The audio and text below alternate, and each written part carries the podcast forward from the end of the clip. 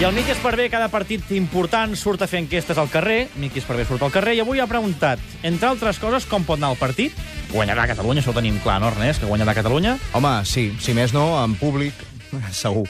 I ha preguntat, tu, Ernest, a què estaries disposat perquè Catalunya tingués selecció oficial? No em contestis. A veure què contesta la gent al carrer. Catalunya-Tunísia. Anem a fer una porra. Pues adelante, hagámoslo. 5 a 2. Està bé. Um... Vamos. 3-1. Molt bé. Un 4 a 0.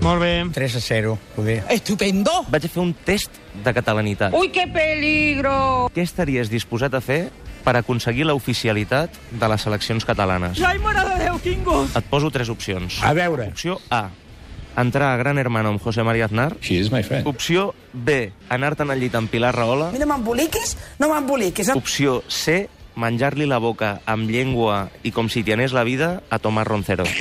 Buf, jo voto per la primera, gran hermana del José Mariana. Estamos trabajando en ello. Pot tenir Pues la seva gràcia. Fantàstic, si ves. Difícil, difícil. És que és inexplicable. Tu què estaries disposat a fer perquè les seleccions catalanes fossin oficials? Ui, la Rahola. També deixa-la córrer. Quien ajos come... Llavors ens queda Tomás Roncero. Pues, no n'hi ha un altre ja. ¿Quién la lleva? Dime quién la lleva.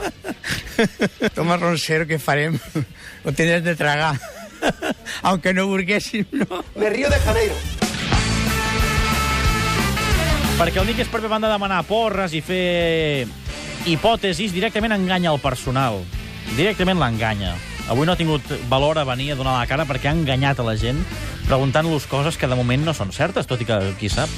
Mariano Rajoy Partido Popular, buenos ha días. anunciat aquest matí que es planteja eliminar els partits de la selecció catalana perquè són un risc, No me jodas. ja que poden provocar lesions als jugadors que després han de defensar a Espanya Falla, viva el rei, viva l'orden i la ley. en partits oficials. Tu què en penses? Esto es una mierda. Doncs que primer elimini els, els partits amistosos que fa la selecció espanyola Toma ya. i que després es plantegi eliminar les catalanes. ¿Está claro? Jo crec que no, no, no li ha donat ni temps ni a sentar-se a la butaca Sí, i què? per, per, per ocupar-se d'aquestes coses. No. està clar. Està claríssim. És una mica... Què? Què? Puta... Perdó? Puta... Ei, frena! Rajoy no té per què eliminar la secció catalana. Que Rajoy està equivocat de tot. Això és falso. I no vull dir una altra cosa, perquè si no... haver ondonadas de hòsties aquí, eh? Artur Mas Amb il·lusió. va dir ahir que la victòria de Catalunya sobre Tunísia seria descaradament el primer pas cap a la independència. Ojalá, ya lo querría para mí eso. Tu què creus? Quan arribarem? Jo crec que, que no. Doncs esperem que sigui així. Ara. Pots de pallissa i veiem si s'avança el procés. Esto es imparable. Tenim equip, tenim equip Mejor equipo del mundo. per aconseguir una independència ferma. La tenim dura, la tenim dura. Bé, no crec que guanyar avui doni la independència, però sí que donaria una alegria per acabar l'any. Ernest, a dos quarts de set, tots com un clau escoltant la ràdio. Aquí estarem. Bé, a les set també, i abans també amb la Tatiana i sí. de més, però a dos quarts de set, sobretot, per escoltar el Catalunya-Tunísia, transmès en directe per Catalunya Ràdio, el partit de l'any a Catalunya Ràdio, la ràdio de l'any. Ara tornem.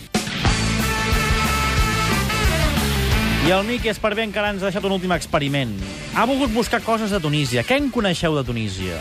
Doncs ha volgut fer una mena de callejeros viajeros, tot i que crec que ell ha canviat una mica el nom.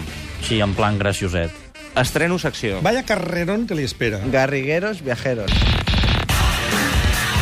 La idea és promoure nous racons entre els catalans tenint com a excusa els partits contra els que jugui la selecció catalana. Digue'm tot allò que et passi pel cap sobre Tunísia. Temps. La, primera, la primavera àrab. Sí, senyor! Poca cosa més. És un país mm, molt gran. Però què dius? Que vaig estar la setmana passada. Miro per on. I ja no tornaré més. Aquesta intervenció és de flipar. Les piràmides de Tunísia. No. El portal de Belém. No. Que és al nord d'Àfrica, que té 10 milions d'habitants. I tu com lo sabes? Ho vaig sentir ahir a la ràdio. Ah. Que parla l'àrab. Hafla, Mercè, Montia. És un país petit. Massa petit per cabra i tots dos. Bona gent, també. Eh? Mm. Es buena. Són simpàtics, també. Sobre Diuen que és molt maco l'Alhambra de Tunísia, hi ha com una Alhambra allà Sí, feta una sempre. alhambra, també. Sí. Molt maco, sí. han tomado el pelo. Piràmides, Miràmides i tot això, és molt maca. Venga, hombre, por el amor de Dios. Torre de Babel, diuen que hi ha una reproducció allà a la Torre de Babel. Sí, també. Ens sento enganyat. Aquest ha, ha estat un reportatge de Miqui Sambé. Repetim la jugada per si hi ha alguna sí. possibilitat de reclamació. Miqui Sambé. Miqui Sambé. La tenim un punt. Amb Francesc Garriga. Sí, sí, de Ràdio Catalunya. Fins aquí les notícies. Molt bé, molt bé. Aquestes coneixements de Tunísia. Catalans i catalanes, esteu tots aprovats. Ernest, tu també. Jo sí, jo vaig estar a un poble, al desert, excavat a la roca, molt maco. Es deia Matmata, i això és cert, perquè, perquè em puc tocar, tinc fotos. Matmata.